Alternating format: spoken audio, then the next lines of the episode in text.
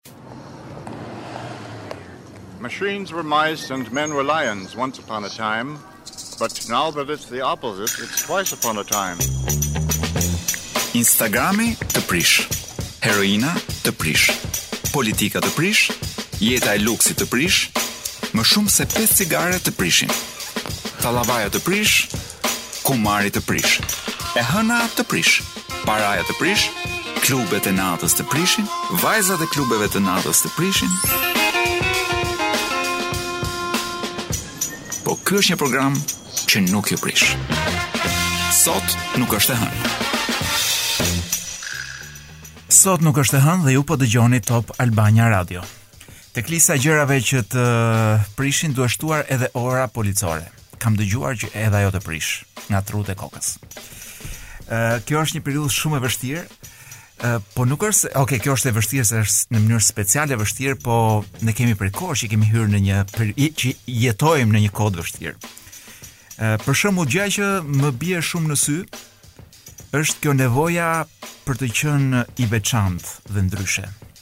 Madje ti kur hap edhe kur hap reklamat, po edhe kur sheh një një një reklamë qoftë ky produkti apo programi televiziv apo edhe njerëz të ndryshëm gjithmonë kanë pretendimin se po bëjnë diçka ndryshe. Pra çdo gjë me demek do vijë ndryshe. Dhe kur i thua dikujt, po kjo është bërë një 200 herë. Ai njeriu do thotë, e po unë do e bëj ndryshe. Në fakt të gjithë e bëjnë një lloj sepse nuk e di pse ky vend është vendi më pak ndryshe nga çdo vend tjetër. Dhe sidomos tek brez tek brezi i ri domethënë kjo nevoja për të qenë i veçantë dhe ndryshe shumë e madhe.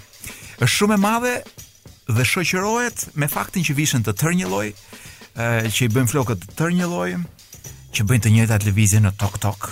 Pra, sa më e madhe nevoja për të qenë i veçantë dhe origjinal, aq më shumë shtohet majmunllëku dhe të mos qenit as origjinal dhe as i veçantë. Kjo ka pak lidhje edhe me këngën që do ju propozojmë për hapje. Po përpara se të ju flas për këngën ose të ju lëshoj këngën, dua dua të ju flas për dy tipa aspak të veçantë që më trokitën në derën e shtëpisë. Bum bum dera në kohët e sotme, një një orë para se të vinte ajo ora 8 policore kështu. Thonë gjithë kush mund të jetë, don. Gjëja e parë që të shkon mendja është ndonjë hall, ndonjë polici ose diçka e tillë, hap derën dhe në vend të dëshmitarëve të Jehovait. Ora, ke parë që s'ka më dëshmitarë të Jehovait? Po, nuk të duket pak budallëk? E po i flas DJ-t. Sepse o kanë mundësi të na kapin tani në nëpër shpia, domethënë, o nuk kanë pasur mundësi tjetër. Domethënë po të vinë mas orës 8 në shpi na gjejnë. Nejse i bie dera dal dhe dy vetë që nuk ishin dëshmitarë të Jehovait, po ishin dëshmitarë të partisë X. Nuk e di për çfarë kishin ardhur dhe më thanë ne vijmë nga partia X ku X-i është ndoshta gërmë e bukur për atë parti, po Mund t'i vëmë një partia Q, le ta quajmë. Pra ishin të partisë Q. Dhe unë i thashë, po partia, po si i thashë, i bini, si keni guxim t'i bini derës dhe të flisni për partinë Q, kur partia Q ka bërë këtë, ka shkatërruar Shqipërinë, ka plaçkitur, ka djegur, ka prishur shtetin e tjera e tjera.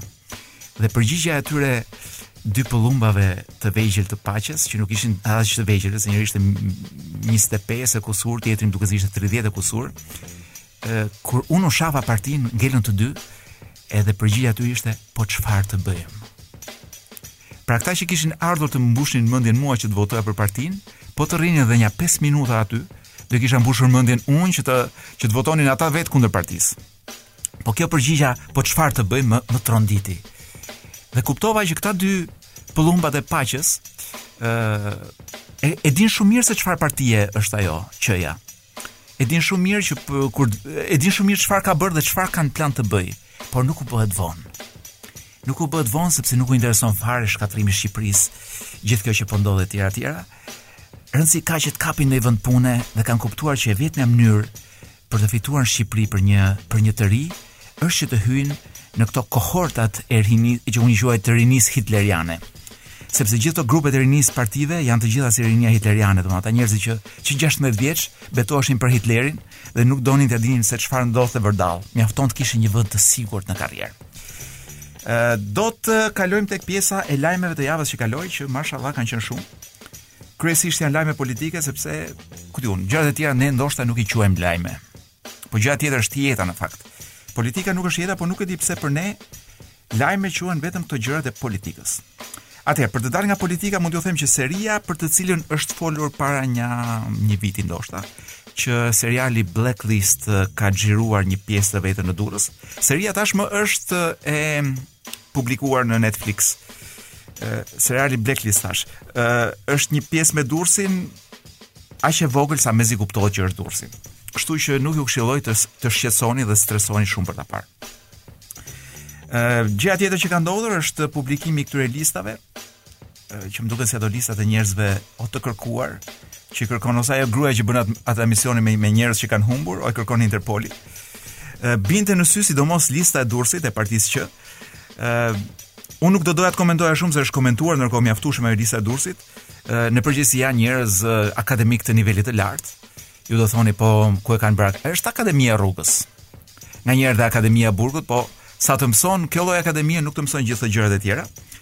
Dhe unë do isha shumë kurioz të dija opinionin e e zonjës Luli për për listën e Durrësit. Për shembull jam shumë don e vetmja gjë që po shoh me shumë dëshirë përpara drejt një parlamenti të ri është të dëgjoj komentet dhe opinionet e zonjës Luljeta Bozo për një politikë kaq të shprishur sa ç'është kjo e jonë. Miting në Kavajë paska ndodhur. Domethënë kujt ja merrte mendja që bën mitingje edhe në Kavajë. Në Kavajë ku sigurisht mitingjet në Kavajë janë me gjithë njerëzit që rrinë në këmbë. Dhe siç thotë ajo barcaleta e vjetër, asnjëri nuk guxon të ulet dhe të marrë atë 200 lekshin që ka rënë përtokë. Gjëja e bukur e këtij mitingut është që Politikani që është Basha në këtë rast që ka mbajtur mitingun, paska hipur mbi kofanon e makinës. Unë e kam dhënë në foto, ju nuk e shihni dot. Ë, po kjo hipja e tij mbi mbi mbi kofanon e makinës që më kujton atë Jelcinin që hipte mi tank, po ku tanku në Moskë edhe ku ë kofanoja e makinës ë, në Kavajë. Ë dhe më duket më duket sikur dikush tha që këshilltari i Bashës është në një fans i Batmanit që jep të tilla këshilla. Ë Po mua më duket më tepër sikur Basha do të prezantonte mbretin Luan. Domethënë jo vetëm po do ngrinte një gjë, domethënë lart përpjet thoshte ja ky është kryeministri juaj i ardhshëm. Ëh, uh, po do pun, do do do mendere kjo punë, domethënë të hipësh në majë të, në majë të kofanos makinës dhe të mbash edhe fjalim edhe të mbledhësh dhe njerëz. O DJ, meqenëse ra muhabeti. A përdoret termi ëh uh, po të kesh mendere në në në Kavajë? Po pyetja shumë injorante e di, po meqenëse ti ke parë botë me sy kur bredh nëpër koncerte nëpër gjëra, thashë mos di ndonjë gjë. Mund të jetë, mund përdoret, mund mos përdoret. Kot pyeta, një pyetje injorante. Ë, uh, më thotë që sidomos në zonën e Kalasë përdoret shumë. Ë, uh, të Kalasë pra, ë, uh, a ka ka ka kala, ka Kavaja kala, jo s'ka. Ë, uh, konfirmohet prania e variantit britanik të koronavirusit në Shqipëri. Kjo është ky është lajmi më më qesharak i mundshëm. Domethënë se këta ë uh, kjo ISHP-ja jonë ka pritur që varianti britanik të shkonte drejt e në laborator.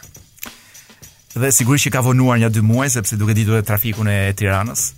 ë uh, sigurisht që ka vonuar këtë variantin britanik e kemi kaluar në lëkurë, domethënë disa qindra dhe mijëra prej nesh edhe me vuajtje të mëdha. Por tashmë ka arritur edhe tek dera e ISHP-së. Një studim për Shqipërinë që ka bërë, Dyzet e katër mijë persona mbi pesëmbëdhjetë vjeç nuk dinë shkrim e këndim. Shtatë prej qind, shtatë për qind e tyre na qenkan të rinj.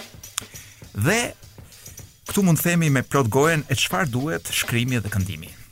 Mjafton të njohim emojit dhe me, dhe memet dhe janë mjaftueshëm për të komunikuar çfarëdolloj dije njerëzore në brezin e ri të sotëm.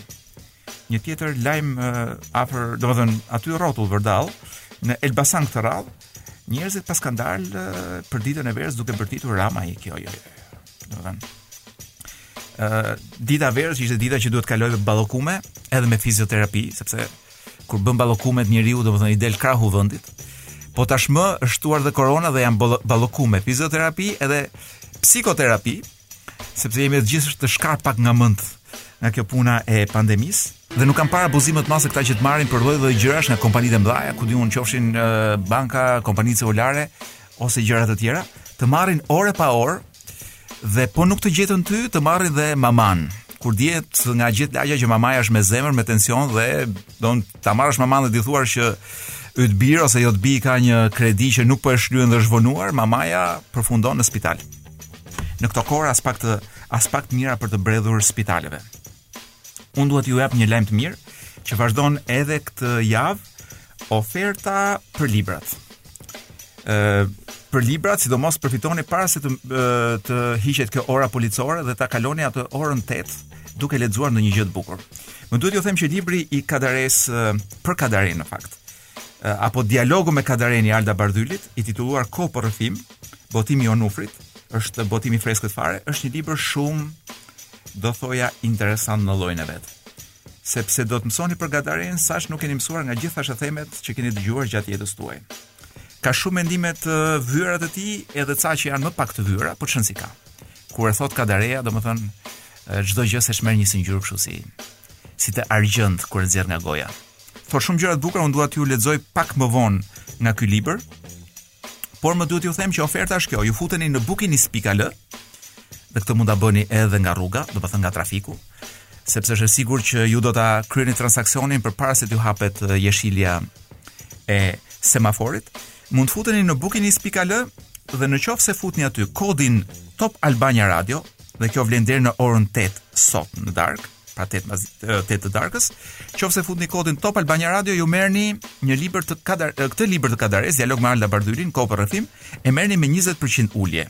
I pari që është futur ndërkohë ose që do të futet nëse s'është futur akoma, e merr këtë libër falas. Gjithashtu, të gjithë librat e Kadaresë në bukinis.al i merrni me si i marrim?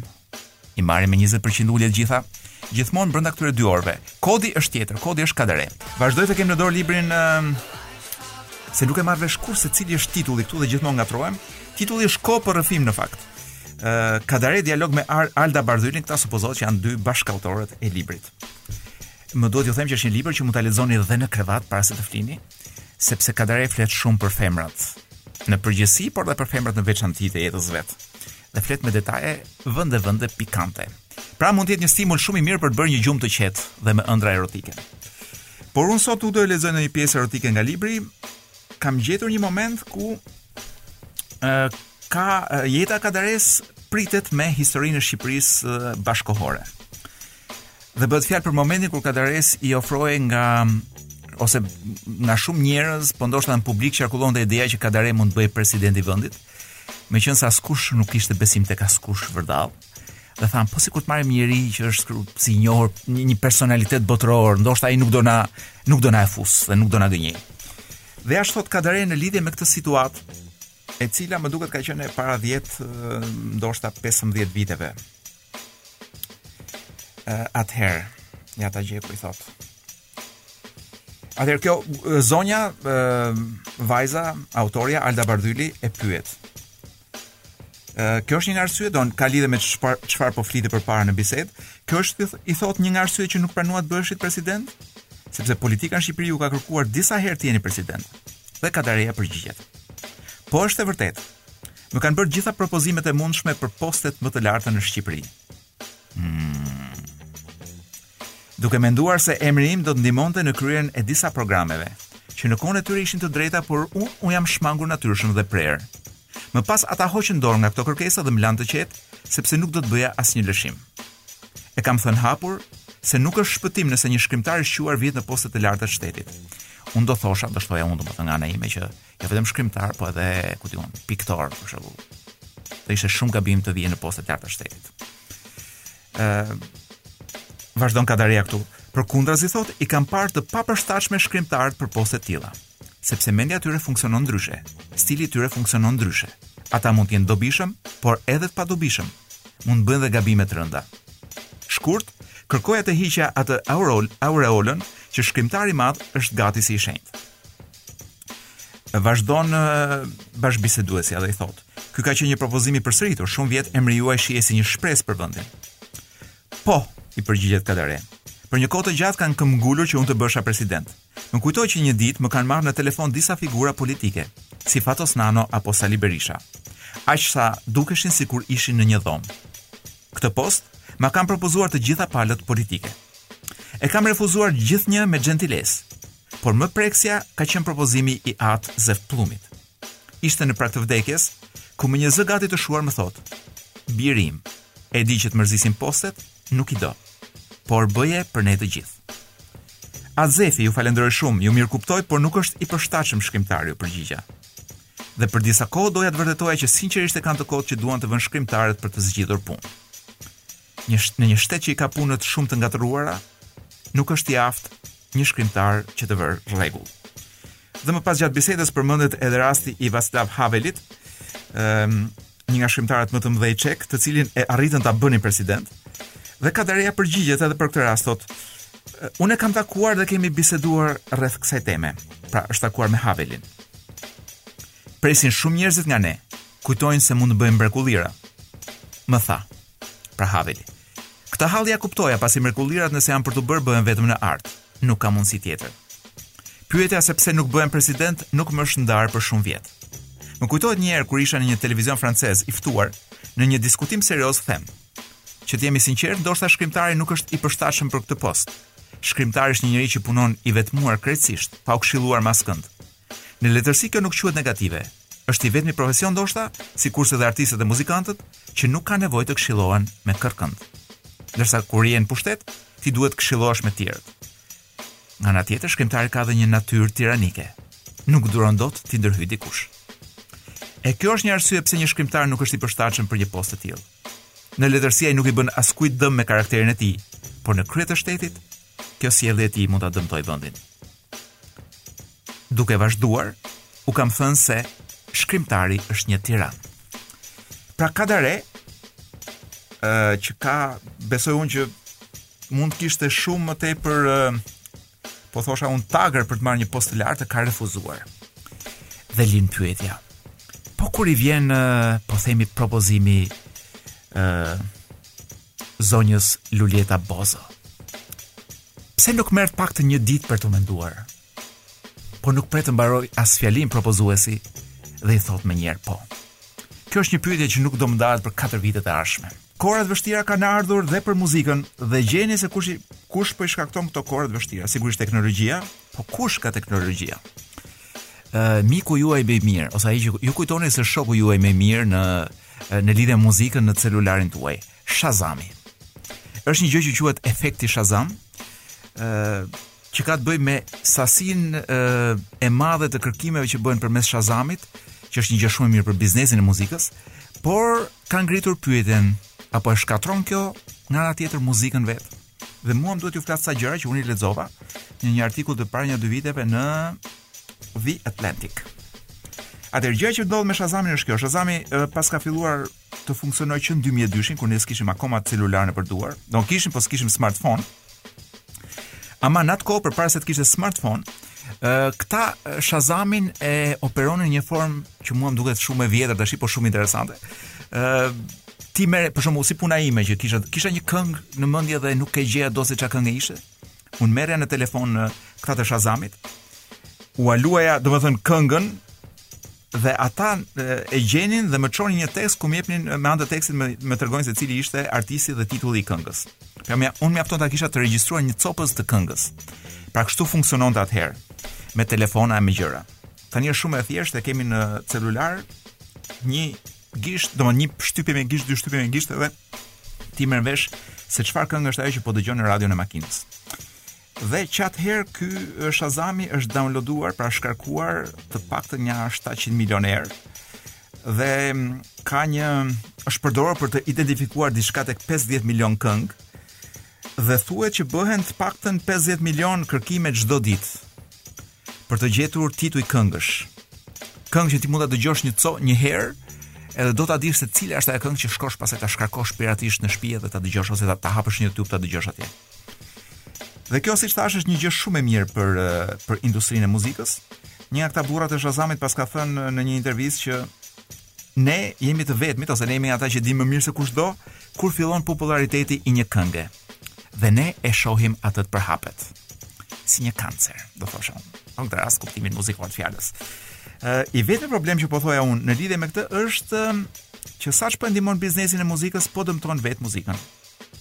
Sepse në qoftë se më përpara ë uh, për të kërkuar grupe të reja, ë uh, të gjithë këta skautët e muzikës shkonin nëpër klube të vogla plot me tym duhani ilegal dhe me djersë dhe me burra që të ku di unë që të ngjishen mas trupit e tjera e tjera për të dëgjuar një band lokal që po luan live tani më nuk ka nevojë ta bëjnë këtë punë dhe këta nuk i dëgjojnë më grupet apo muzikantët të këndojnë live këta i shohin se si kërkimi për ta përhapet në Shazam Dhe kaq mjafton për të ndërtuar projektet e reja të muzikës që vjen.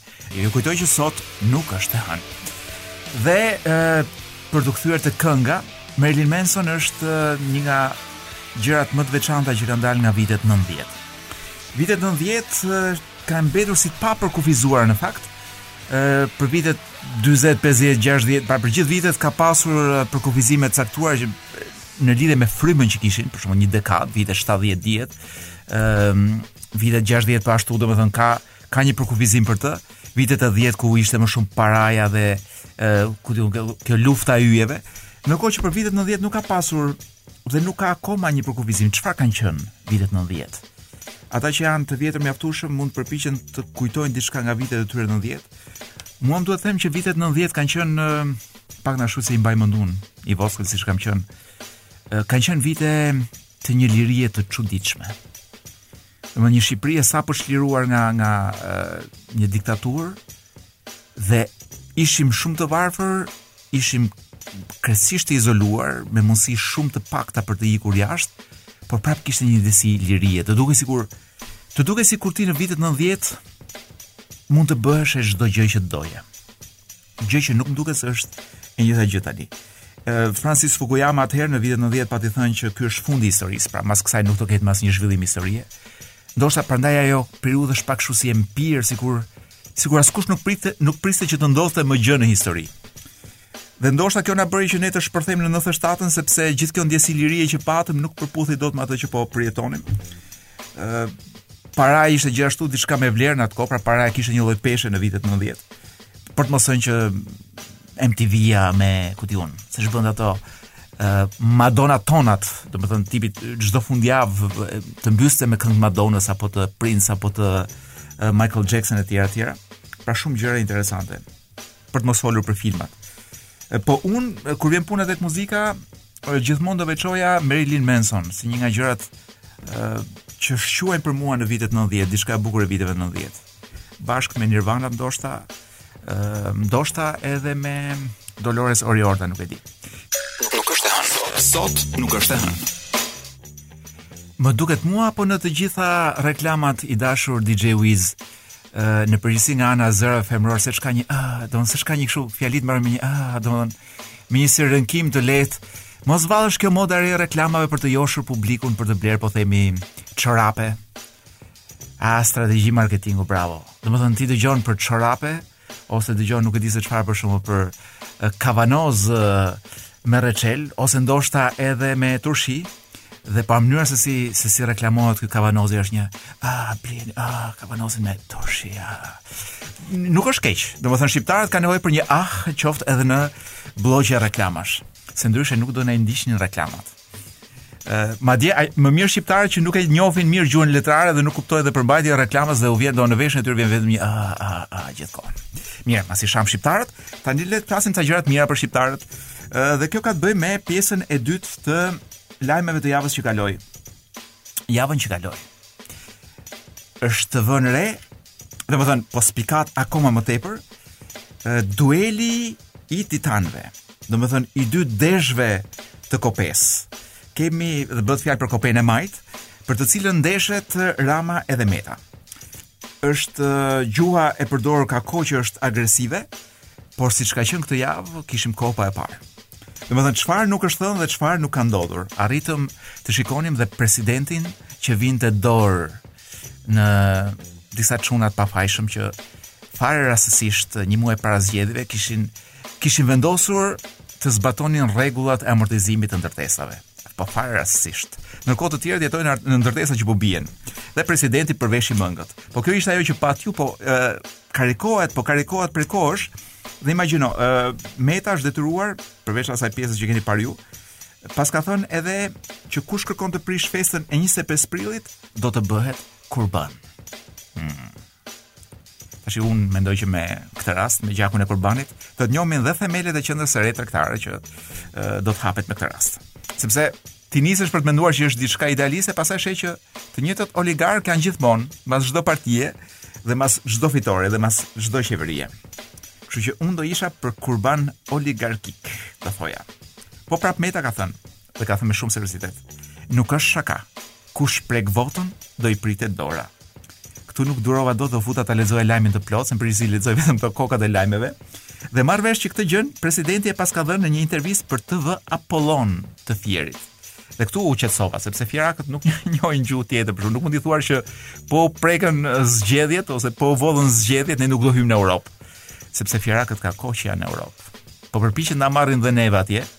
Po ne nuk shkojmë, unë un nuk shkoj dot në Europë siç duan fierakët se nuk shkoj dot me me kamion të mbyllur vëlla dhe të më merret fryma dhe dhe të shkoj dhe të, dhe të vdes rrugës në kamion frigorifer. Po ata po, po përpiqen ta transportojnë gjithë dhe me kamion frigorifer në Europë. Le të themi, edhe në Britani madje. Tjetër gjë që ka thënë Meta te Apolloni se po e shoh këtu, ëm ehm, um, pra është një kjo prerja e dorës, ah, edhe kurbanin këtu e ka thënë, Dhe ka thënë një gjë tjetër, janë zgjedhjet më të rëndësishme në 100 vite që vijnë që nga Kongresi i Lushnjës. Dhe këtu kam përshtypjen që e humbi gjithë interesin e fierakëve. Sepse fierakët nuk e di pse, po çdo gjë që kanë të bëjnë me Lushnjën e shohin kështu si nga lart. Sikur këta janë një qenie sipërore. Domethënë sikur zhvillimi evolutiv i shqiptarëve ka ardhur nga Homo uh, neandertalis në Homo sapiens, në Homo lushnjaris, në Homo sapiens sapiens dhe pastaj në Homo fierakus. Ë uh, mirë, po me Metën. Uh, ka thënë edhe ca thagma të tjera, por uh, po kaloj tek pjesa tjetër që është pjesa e agresivitetit të Ramës i cili përveç fakti që në gjithë deklaratat e tij kur flet për presidentin, që gjithsesi është presidenti i vendit, flet sikur Se edhe sikur po flet për ku di unë për Ver Llapën që dritë i bëftë shpirti aty ku është. Pra sikur po flet për një qenie që gjithë ka mendojnë që janë më sipërorë se ai. ë dhe që është totalisht jo korrekte do thoja unë nga ana institucionale. Por arriti majën e tij me këtë fotomontazhin që kishte bërë për disa figura të opozitës. Për shembull ishte totalisht e turpshme ajo gjë që kishte bërë me Spiropalin, me më fal me Spiropalin. Spiropalin nuk e bën paktën jo në publik. Po mbase bën kështu vizatime në zyrë, nuk e di. Por jo, që kishte bërë me Grida Dumën, për cilën Spiro edhe Spiropali vetë paska thënë që nuk u ndjeva mirë. Por gjëja që më bën përshtypje është mbas një shfaqje kaq të thellë dhe të pacipë seksizmi nga ana e kryeministrit. Po prisja me kuriozitet për të parë ku janë ato shoqatat e grave. Ku janë ato vajzuket, ku janë ato artistet, ku janë ato vipat, ato personalitetet e mëdha të këtij vendi që kur vritet një një afroamerikan në Amerikë mbushin Facebookun dhe Instagramin me thirrje për mbrojtjen e lirisë kur përdhunohet ndonjë ndonjë vajzë në Lahore apo në Pakistan apo ku di unë në Bangladesh nuk rrin dot pa u solidarizuar. Ku janë këto vajza kur vjen puna për t'u solidarizuar kundër një kryeministri që është dukshëm njeriu më i dhunshëm ndaj grave. Paktën me ato gjëra që pamë. Nuk janë. Nuk janë sepse edhe këto artistet e mëdha dhe këto aktivistet e mëdha në fund fundit nga ky kryeministër presin për fonde. Kështu që nuk do presin dot ujë kurrë nga ai burim. Ë kemi edhe Salianin pastaj që është që e vetmja gjë që ka gjetur për të thënë për për këto fotomontazhet e Ramës është që nuk është i vërtetë. Unë fakt e imagjinoja uh, Salianin në fono, në fotomontazh të bërë mbi trupin e Rambos. Ëh, dhe atyre që nuk kujtohet Rambo, ja unë nuk di ç'trup të jap o DJ Wizi, se ti e njeh këtë brezin e ri, me çfarë trupa mashkullor ushqehen këta, domethënë cili është ideali mashkullor? Se unë Rambon mbaj mend, domethënë. Termi, ku di unë, ja deri te Terminatori, pastaj kam hequr dorë nga parja trupave. Kë kanë ideal këta? Joni Peçin. Pra imagjinoni, Joni Peçi është ideali i trupit mashkullor për brezat e rinj. Imagjinoni foton kokën e Salianit mbi trupin muskuloz të Joni Peçit. Po Rama nuk ka këtë lloj le të themi sensualiteti edhe në bërjen e fotomontazheve sepse qëllimi i tij është thjesht që të denigrojë njerëzit. Dhe ka ca arsye për këtë që do ta themi ndoshta pak më vonë. Kemi edhe të fundit lajm nga java e kaluar, nga këto përzgjedhje që ka bërë kolegu im Florenc Zerellari, është um, gazetarja Edona Haklaj që i paska çuar mesazh Ramës me veprimin që bëre ke borxhe për të larë. Nuk di nëse do ta lexoj këtë lajm apo jo. Por mendoj që gjithë kjo, gjithë domethënë gjithë kjo përplasje kur dhe një gazet një vajzë që ka gazetare po thonë, Sillet me kryeministrin njëlloj si gjyshja me nipçen, që ka ngrënë baklava më shumë se siç duhet, domethënë nipçja ka ngrënë baklavan e vet dhe baklavan e mbesës. Dhe si gjyshja që bërtet more pizeveng e kështu, edhe kjo në këtë në të njëjtën formë me kryeministrin. Jetojmë në një kohë jo korrekte. Duhet të mësohemi me këtë. Ka thënë Dalai Lama jo, ka thënë Adi Krasta. Paraja të prish, e hëna të prish. Walking away from... Po ky është një program që nuk do të prish. Sot nuk është e hënë. Kam dëgjuar që edhe maska të prish. Domethënë, tualetin, gjërat e tjera, por unë vetë nuk kam pasur ndonjë problem me maskën, por kam dëgjuar që ka shumë njerëz që me të mbaruar kjo pandemia, do bëjnë ekzekutime publike të stokut të maskave në qarkullim. Unë nuk e sugjeroj, sepse thonë që maskat tashmë do jenë pjesë e jetës sonë edhe për ku di unë. Edhe për nja 30-40 vjet që vijnë. Atëherë, kemi ë kemi këtë rastin që nuk është rast më tepër sa një fenomen të angazhimit të artistëve në politikë. Dhe pyetja është, domethënë, sa serioze është dhe a duhet t'i besojmë dhe a duhen artistët të merren me politikë. Një mesazh të fortë ka dhënë para mund të ketë ndoshta dy javë, ndoshta punë ditësh pak më shumë pak më pak, edhe Zlatan Ibrahimovic, i cili ka sulmuar gjeni se kë, Lebron James. E ka sulmuar dhe ka thënë, domethënë, gjithmonë duke qenë se LeBron James është që luan me Lakers, dhe është shumë i shumë i angazhuar për sa i përket politikës. Në një koment të vetin Ibrahimovic ë ka thënë që atletët duhet të jenë atletë, pra sportistët duhet të jenë sportistë. Dhe ja si ka thënë ë fjalë për fjalë. Atletët e bashkojnë botën kurse politika e ndan atë. Roli jonë ka thënë është që t'i bashkojmë Pra ta bashkojmë botën duke bërë atë që dimë të bëjmë më mirë. Kështu që atletët duhet të jenë atletë dhe politikanët le të merren me politikë. Tash e gjitha kjo është uh, ishte një sulm ndaj LeBron Jamesit, sepse ai e ka thënë dhe më pas gjatë të njëjtës intervistë, ka thënë që unë e pëlqej shumë këtë LeBronin, Jamesin, është një fenomen sportiv, por ajo që po bën ai, pra duke u marrë me politikë, është diçka që nuk më pëlqen sepse unë mendoj që njerëzit që kanë statusin e tij nuk duhet të flasin për politikë. Bëj atë që di të bësh më mirë. Dhe këtë gjë e ka thënë në Discovery Plus.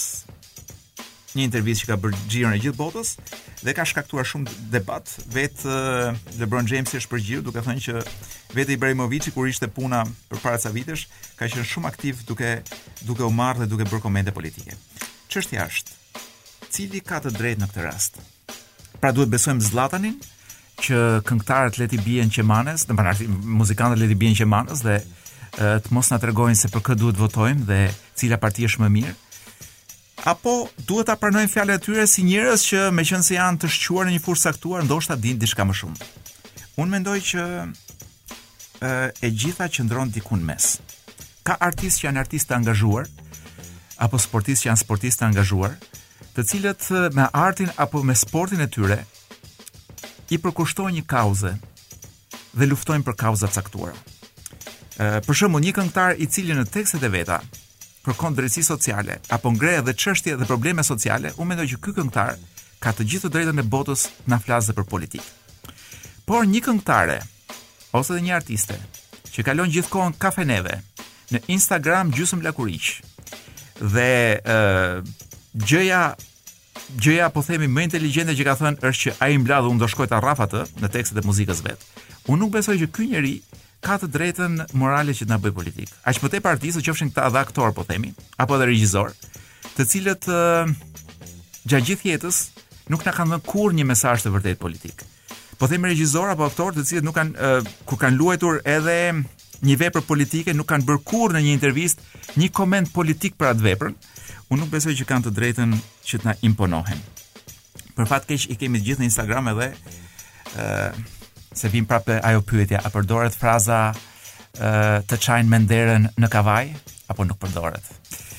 Uh, se çka me Kavajën do në përgjithësi kam shumë xhan, po kot nga një herë kështu bëhem si biçim racisti uh, edhe kavajofobi. Tashi, për ta mbyllur me Zlatanin, Zlatan prezantoi në Sanremo, mund ta kem përmendur këtë fakt. Dhe një nga gjërat e bukura që ka bërë ishte që në një nga netët e Sanremos, në mes të trafikut të Romës, nuk shkonte dot në kohë. Kam përshtypjen që Zllatani duhet të ketë një makinë të madhe. Jo vetëm që është vetë i madh, po ku di unë. Është ai qejfi i madh që të kesh një makinë që ti mezi e parkon dot. Dhe në këto në këto kushte e la makinën e vet në mes të trafikut. Kapi për veshi një motorist që ishte dhe ai duke kaluar aty afër dhe tha të lutem, më ço pak në në teatrin Ariston Sanremos, edhe vajti me motorin e dikujt tjetër, mbrapa dikujt tjetër, mbrapa një motoristi të panjohur deri në Sanremo. Zlatan Ibrahimovic. Tani pyetja është, uh, po të ma kërkonte mua kur bredh me vespën, jo jo Zlatan jo. Se nuk do vijë, do nuk do më vijë kurrë ai fat i madh. Edhe pse kam idenë që do ma çajë vespën me peshën e vet. Po ta zëmë Taulant Balla. Uh, kam dëgjuar që ka një uh, Zoti Balla ka një ëndërr të prezantojë Këngën Magjike. Jo se ka ndonjë lidhje të madhe me artin, e kundërta, por thjesht se mendon që mund të ketë çdo gjë. Domethënë si pjesë e partisë që që është, mendon që ka të drejtën të ketë çdo gjë. Kështu që pse mos ketë edhe një performancë në Këngën Magjike? Dhe pyetja është çfarë duhet bëj unë, nëse më ndalon rrugës Taulant Balla dhe thotë që për faj të Lul Bashës dhe të Ilir Metës dhe Monika Kryemadhit, trafiku në Tiranë është i pakalueshëm. A duhet ta marr unë me motor dhe ta çoj në derën e Pallatit Kongreseve që ai të prezantojë Këngën Magjike apo jo? Ja? Si thua DJ Wizi Për të mirën e këtij populli Unë do ta marr Taulant Ballën Mbrapa në motorin tim Dhe të dy bashkë Do shkojmë drejt malit të Dajtit Ku të dy bashkë si Telma dhe Luiz Do fluturojmë në humnerë për të mirën e Shqipërisë gjithmonë. Shqipëria nuk nuk e meriton as atë dhe as mua. Kam parë polic. Jo kam parë polic, do shohim për ditë polic, po kam parë polic që vinte gjobë. Domethënë, polici rrinte pothuajse në një pozicion sikur po hante fara në një cep te ambasada amerikane mos gaboj, dhe kalon një vajzë që merr dhe kthesën gjithë rruga, domethënë gjithë dita ime ishte mes njerëzish komplet të pambrojtur, pa maskë, të ngeshëm, moskokëçarës, Po se ku e gjeti këtë gocën, është që ishte vonë për për diku. Sigurisht që kapi dhe gocën se tashi nuk duan të merren me çunat. Edhe e ndaloi dhe i vuri dhe gjobë. Dhe m'u duk fundi i botës. Atë për ta provokuar, hoqa maskën dhe eca serbes serbes. Sigurisht që nuk u mor me mua. Ndoshta s'e kishte mendjen. Po dua të them që policët janë nganjëherë janë aty, nganjëherë bëjnë punën e tyre, nganjëherë s'e bëjnë. Po janë ca qenie shumë të çuditshme. Nganjëherë më më dhimbsen kur i shoh që lagen, që lodhen, që durojnë stresin dhe nervat tona. Po nganjëherë të vjen dhe t'i t'i zësh dhe me shpulla kur shohin që janë arma e një shteti ë që nuk është shtet në fakt, po tenton të jetë të të bëjë sikur është shtet duke duke ushtruar një dhunë pothuajse absurde. nuk do nuk doja të flisja me këtë, po ishte gjithë kënga që më futi në këtë muhabet me policë. Unë doja të flisja për sin, e, për sindikatat në fakt. Ka një ringjallje të sindikatave në Europë dhe këtë gjë e ka bërë në Europë dhe në Amerikë, pra në, në botën perëndimore dhe këtë e ka bërë pandemia. Ë duket që këta punëtorët masi kanë hequr, don masi kishin kohë që vuanin nga kushtet e punës, nga pagesa që nuk mjaftojnë, Më në fund, pandemia që ishte shpulla e fundit i bëri të kuptojnë që duhet të organizohen. Dhe ndoshta është e vetmja shpresë për të ndryshuar diçka në marrëdhëniet e punës. Dhe kjo më kombinohet me futjen e një minatori në zgjedhje. Më duket gjëja më e bukur që i ka ndodhur Shqipërisë në këto 30 vjet. Jo për të qenë medoemos një partizan i lumpenit, siç do thoshte dikush, por më duket një gjë shumë e bukur që mbasi kemi shumë vjet, po shumë vjet që në zgjedhje na propozojnë vetëm njerëz të cilët janë ku di unë. Don nga çdo njeri që del në zgjedhje ti pret a mos nuk është emri i vërtetë ky i tij? A mos vallë ka një emër tjetër? Kush po e kërkon? Në sa shtete kërkohet? Të jetë marrë me me prostituta vallë apo me drogë. Pra është një nga këta baronët seriozë dhe simpatikë të drogës apo nga këta kriminelët e prostitutave, pra nga këta baronët e por të zinj të prostitutave.